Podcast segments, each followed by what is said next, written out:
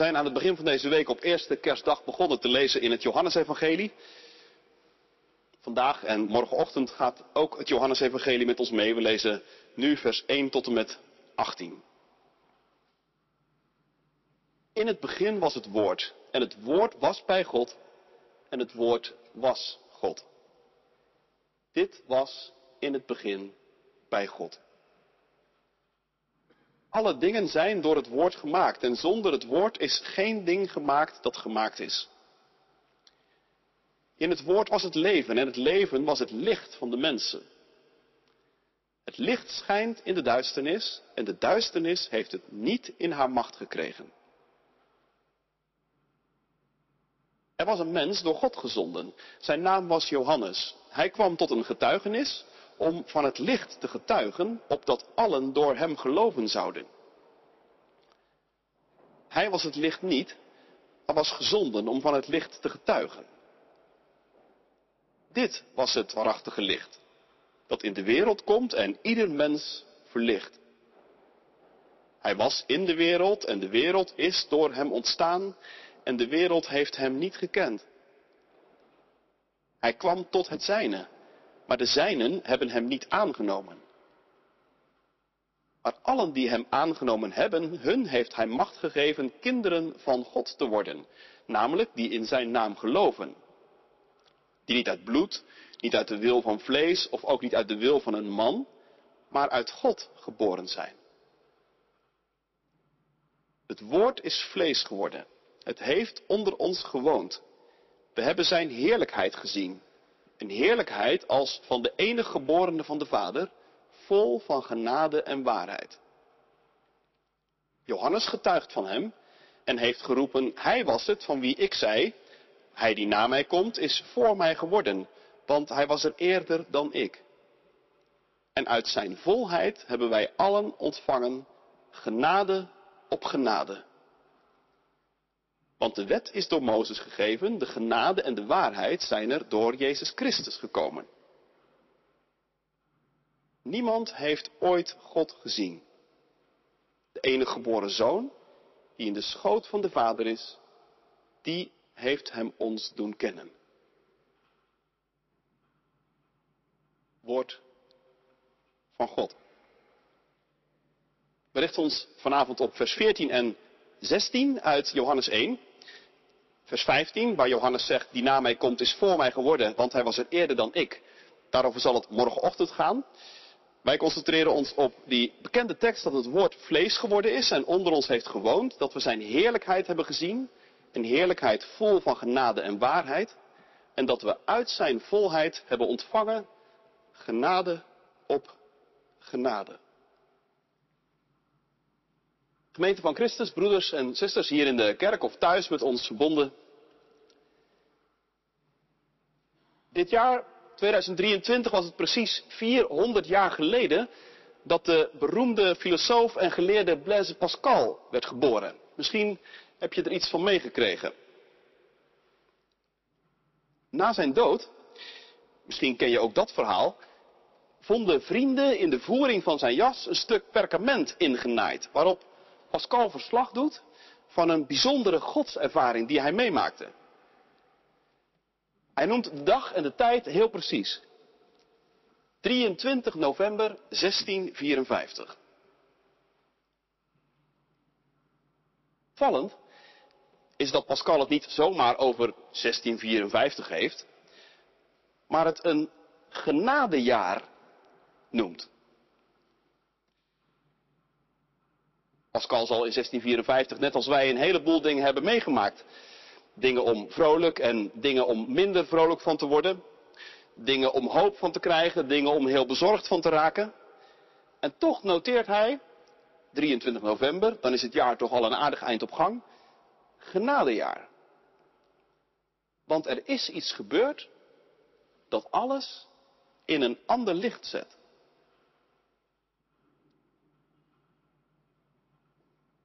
Wij zijn hier bij elkaar op de laatste dag van 2023. En de kwalificaties van het afgelopen jaar waren de laatste dagen natuurlijk niet van de lucht. Ik weet niet hoe jij ze hebt gehoord en gelezen. Maar ik vond ze een, opvallend eenstemmig. Onder de streep schrijft 2023 rode cijfers in allerlei opzichten. Maar, dacht ik, is daarmee nou alles gezegd? Of zien we dan misschien toch nog iets wezenlijks over het hoofd?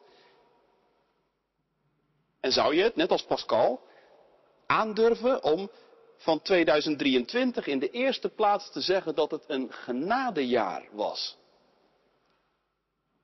Een jaar waarin we inderdaad van alles hebben meegemaakt. Dingen om vrolijk en dingen om minder vrolijk van te worden. Dingen om hoop van te krijgen en dingen om heel bezorgd over te raken. Een jaar ook waarin verschrikkelijke dingen gebeurd zijn. Maar toch ook een genadejaar. Omdat er dingen gebeurd zijn die alles in een ander licht zetten.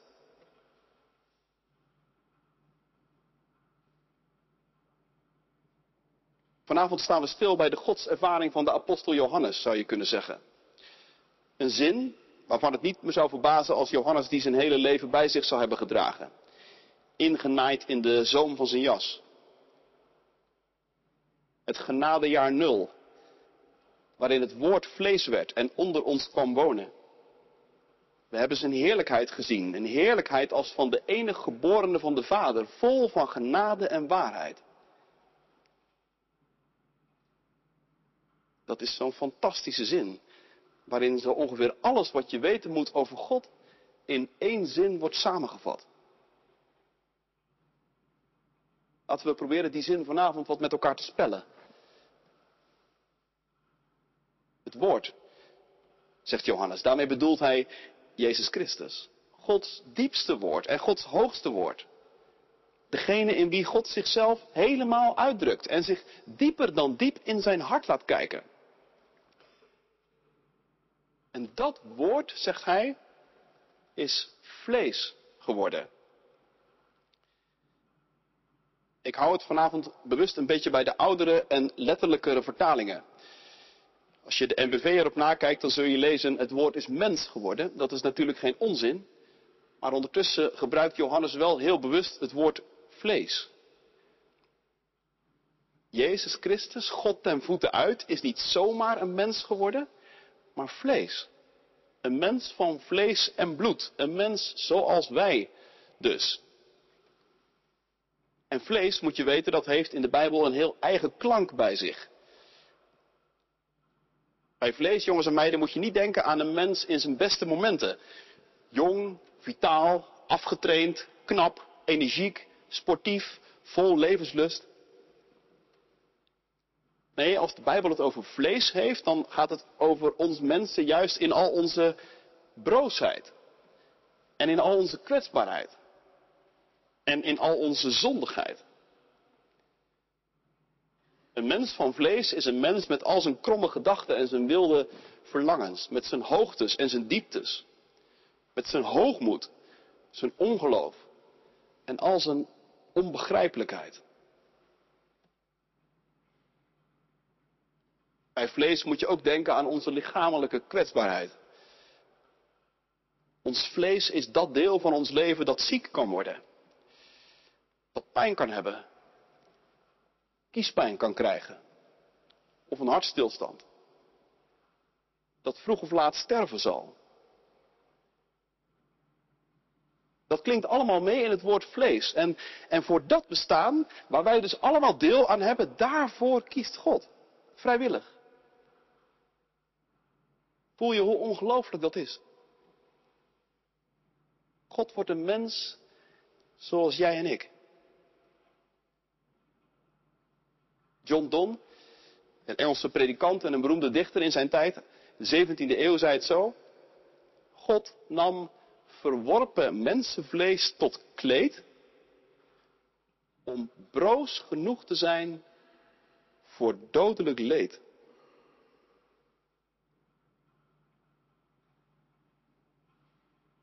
Misschien was 2023 een jaar waarin je het nogal met je lichaam te stellen had. Waarin je misschien wel aan de lijve voelde of het zag bij een ander in je omgeving wat het betekent om broos en kwetsbaar te zijn. Misschien geeft jouw lichaam bepaalde prikkels en signalen af die je maar moeilijk kunt weerstaan. En waaraan je ook in het afgelopen jaar vaker toegaf dan je lief is. Misschien voel je ten aanzien van je lichaam druk van buitenaf. Dat het niet snel goed genoeg is, niet snel mooi genoeg, niet snel fit genoeg, niet snel sterk genoeg. Altijd te dit of te dat. Laten dan deze woorden van Johannes je troosten vanavond. Toen God mens werd, koos hij niet voor het beste hotel van de stad, maar werd het woord vlees.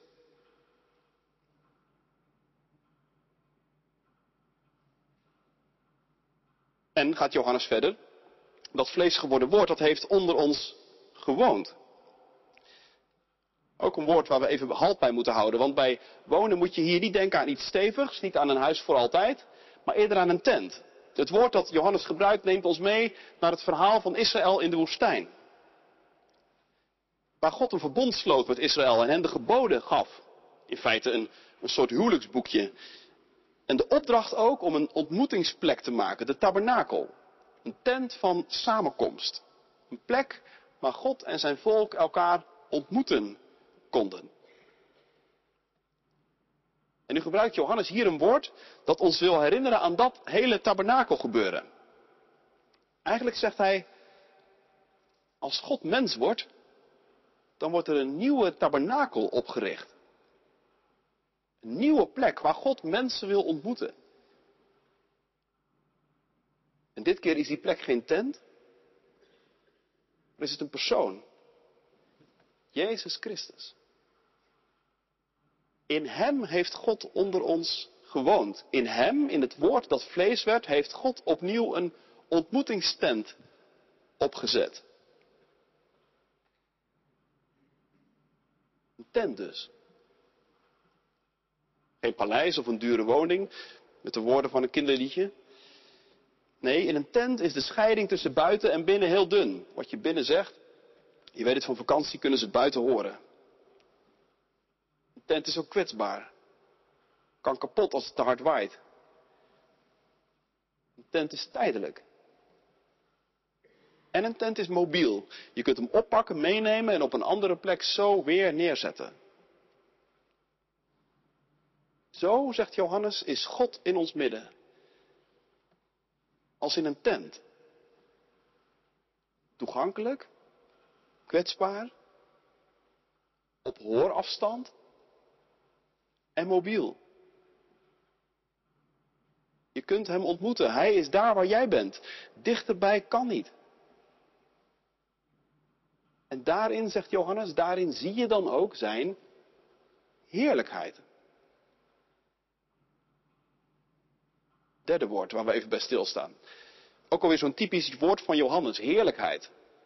Een woord waarmee hij iets bedoelt van de, van de merkbare aanwezigheid van God. En Johannes vertaalt daarmee een woord uit het Oude Testament dat eigenlijk gewicht betekent, zwaarte. Zoals je, jongens en meiden, op het strand kunt lopen en dan in het natte zand door je gewicht voetafdrukken achterlaat. En daarmee een teken van je aanwezigheid verraadt. Of zoals je wel eens van iemand kunt horen zeggen, dat hij of zij ergens zijn stempel opgedrukt heeft. Zo is het ook met God. Hij woont onder ons in Jezus Christus en hij laat blijvend zijn indrukken achter. Hij drukt zijn stempel. Je kunt niet langer om hem heen. Je hebt zijn heerlijkheid gezien.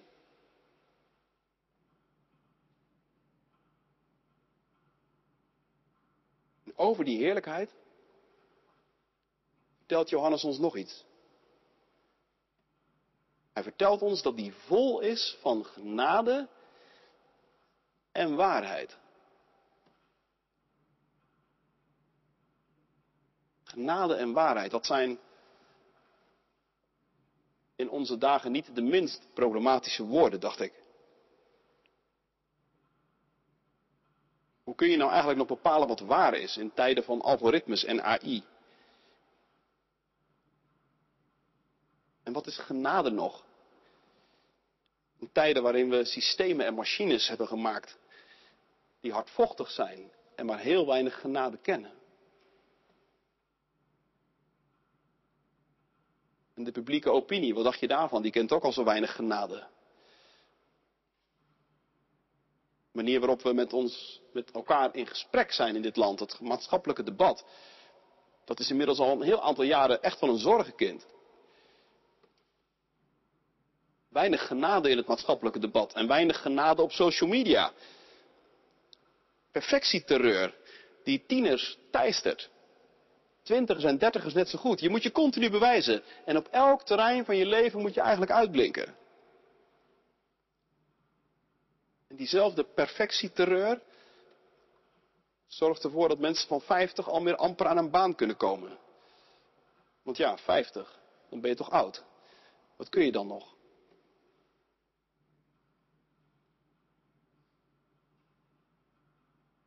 Genade en waarheid zijn ingewikkelde woorden geworden en al helemaal in deze combinatie.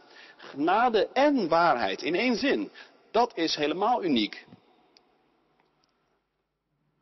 Ik weet niet of je wel eens tegen iemand zegt: Wees alsjeblieft een beetje genadig voor me. Meestal bedoel je dan: Kijk even niet te krap. Neem het nu eventjes met de waarheid niet al te serieus. En andersom, als wij tegen elkaar zeggen dat, dat we iemand eens even flink de waarheid gaan zeggen, dan betekent dat nogal eens dat we er nogal hard en alles behalve genadig toe gaan. Dat is allebei niet goed. Het is niet goed voor de genade en niet goed voor de waarheid als ze los van elkaar komen te staan. Genade kan niet zonder waarheid en waarheid niet zonder genade. Waarheid is meer dan alleen maar cijfers en feiten. Waarheid moet een hart hebben. Wil het tenminste echt waarheid zijn.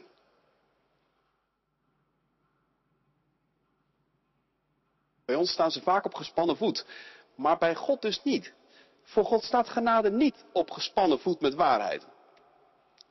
En waarheid slaat niet om in een onbarmhartige veroordeling. Nee, vertelt Johannes, in, in Jezus Christus zegt God ons genadig de waarheid. Dat kan dus. De waarheid is dat wij vlees zijn, inderdaad. Niet zomaar mens, maar vlees. Mensen die broos en zondig en kwetsbaar zijn. De waarheid is dat wij God en onze naasten ook in het afgelopen jaar 2023 niet weinig hebben gekwetst. De waarheid is ook dat we vaak zo druk zijn met onszelf dat we helemaal geen tijd meer hebben om Hem te ontmoeten. En de waarheid is ook dat wij maar moeilijk te veranderen zijn. De waarheid is dat het voor ons mensen helemaal niet moeilijk is om een jaar te eindigen in rode cijfers. Maar de genade is dat God tegen ons zegt, en dat is nou voor mij allemaal geen reden om opzij te gaan. Ik ben vlees geworden. Ik heb jullie in Jezus laten zien dat genade en waarheid samen opgaan. En de genade is dat ik vanavond tegen je zeg, je pijn en je wonden, je zonde en je tekort, alles waarvan je had gehoopt dat het anders zou zijn, alles waar je spijt van hebt, alles waarin we aan elkaar tekort komen, ook het afgelopen jaar, dat heeft niet het laatste woord.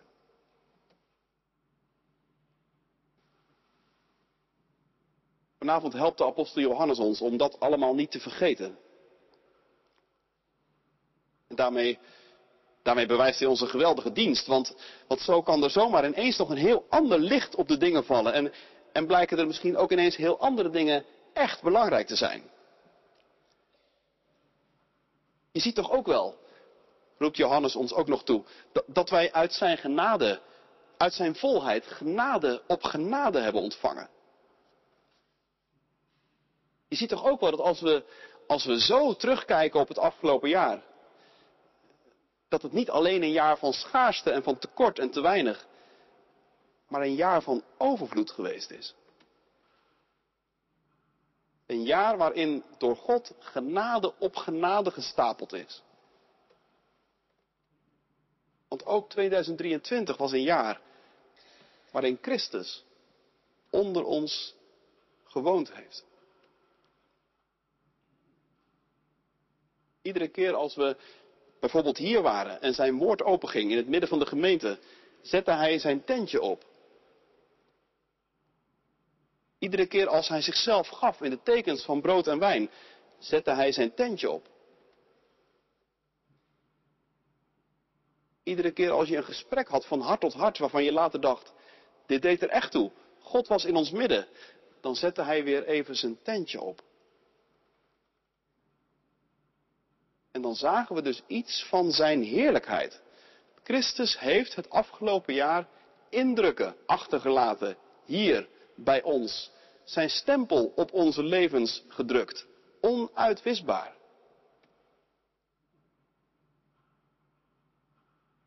Sommigen van ons hebben hem heel bewust een jaarwoord gegeven. Bij een doop bijvoorbeeld, of bij een beleidenis. Anderen hebben hem weer op een andere manier dieper leren kennen. Soms zelfs op heel onwaarschijnlijke momenten. En in de meest onverwachte situaties. Ook in situaties van pijn en van rouw en verdriet. En in momenten waarop het leven misschien even helemaal op zijn kop lag. Ook op die momenten was Christus niet ver weg. Maar zagen we soms door onze tranen heen iets van de heerlijkheid van het kruis.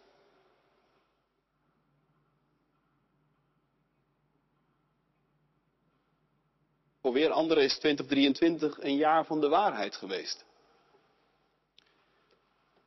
Lange tijd maakte je je daar misschien niet zo heel druk om. Liep je met een boog omheen. Maar nu lukte het niet langer. Ineens stonden de echte grote vragen met hoofdletters voor je. Wie ben ik nou eigenlijk? Wat wil ik voor leven?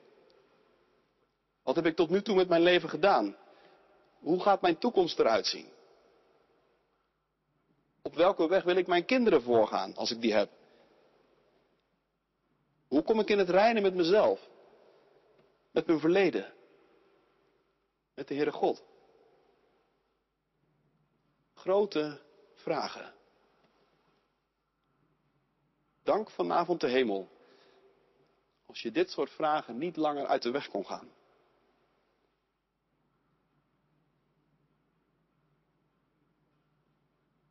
En zo was 2023 voor ons een ingewikkeld jaar. Een zorgelijk jaar. Maar toch zeker ook voor ons allemaal een genadejaar. Een jaar waarin God jou en mij verdragen heeft. Waarin Hij het uitgehouden heeft met ons wankele geloof. Met onze povere toewijding. Een jaar waarin Hij bepaald niet met ons omging zoals wij met Hem omgingen. Integendeel, zijn goedheid was elke morgen weer fonkeltje nieuw. Dag in, dag uit stapelde Christus uit zijn volheid genade op genade. En hoefden we alleen maar te ontvangen en met open handen te staan. Als je zo met Johannes leert meekijken, dan was 2023 een jaar van onze Heer, een anno domini. En kunnen we niet anders dan zeggen, lof zij u, Vader, Zoon en Heilige Geest, nu en alle dagen, tot in eeuwigheid. Amen.